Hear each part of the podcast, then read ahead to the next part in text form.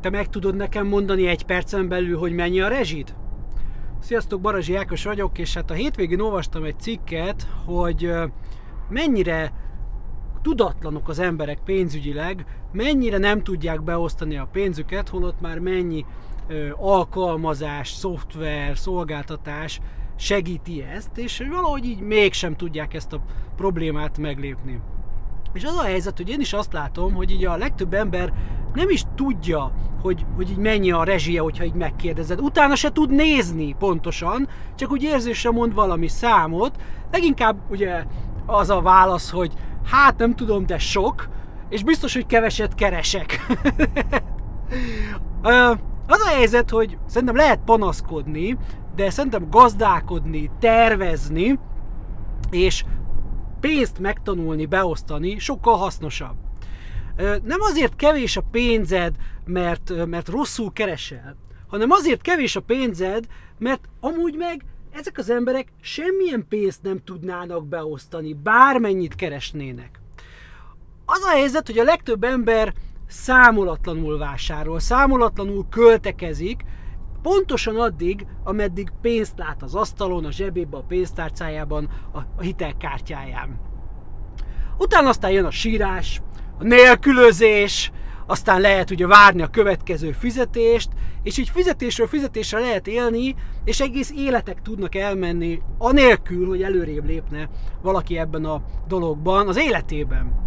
És van egy új munkatársam, aki a Mekiből igazolt hozzám, és így mondja, hogy már így hó végén mondják, hogy ó, könnyű, könnyű műszak lesz, mert hogy, mert hogy már hóvége van, elfogyott az embereknek a pénze, kevesen lesznek. Na de 5-e, 6-a, 10-e táján, amikor megkapják az emberek a pénzüket, a fizetésüket, aznap el kell költeni, és jönnek 14 ezer forintos családi vacsorák a McDonald'sba. Az a helyzet, hogy én ezt 25 évvel ezelőtt a Burger Kingbe nem figyeltem meg. Azt kell, hogy mondjam, hogy ebből a szempontból visszalépés van a társadalmunkban, mintha valahogy akkor jobban be tudták volna az emberek osztani a pénzt, jobban eloszlott a forgalom, nem volt ez a tizedike környéki dolog.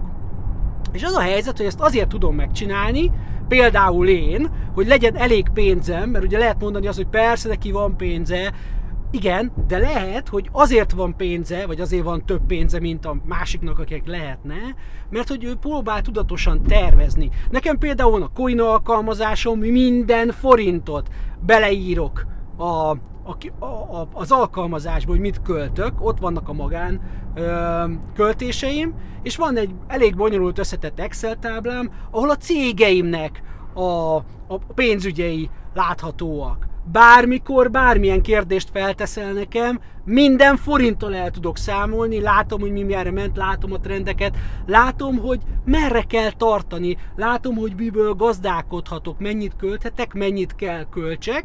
Tud érvényesülni az az egyszerű rég mondás, hogy addig nyújtózkodj, ameddig a takaród ér. Ilyen egyszerű.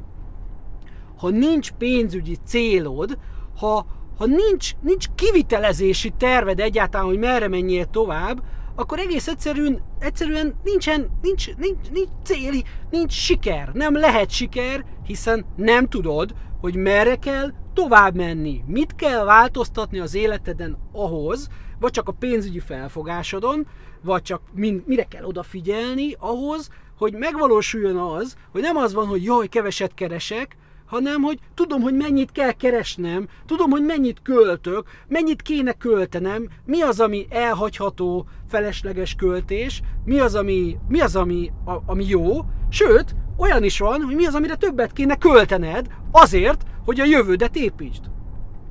Hát ilyen egyszerű az egész. Költekez tudatosan. Ne felejtsétek el, a bevétel erősíti a szabályt. Sziasztok!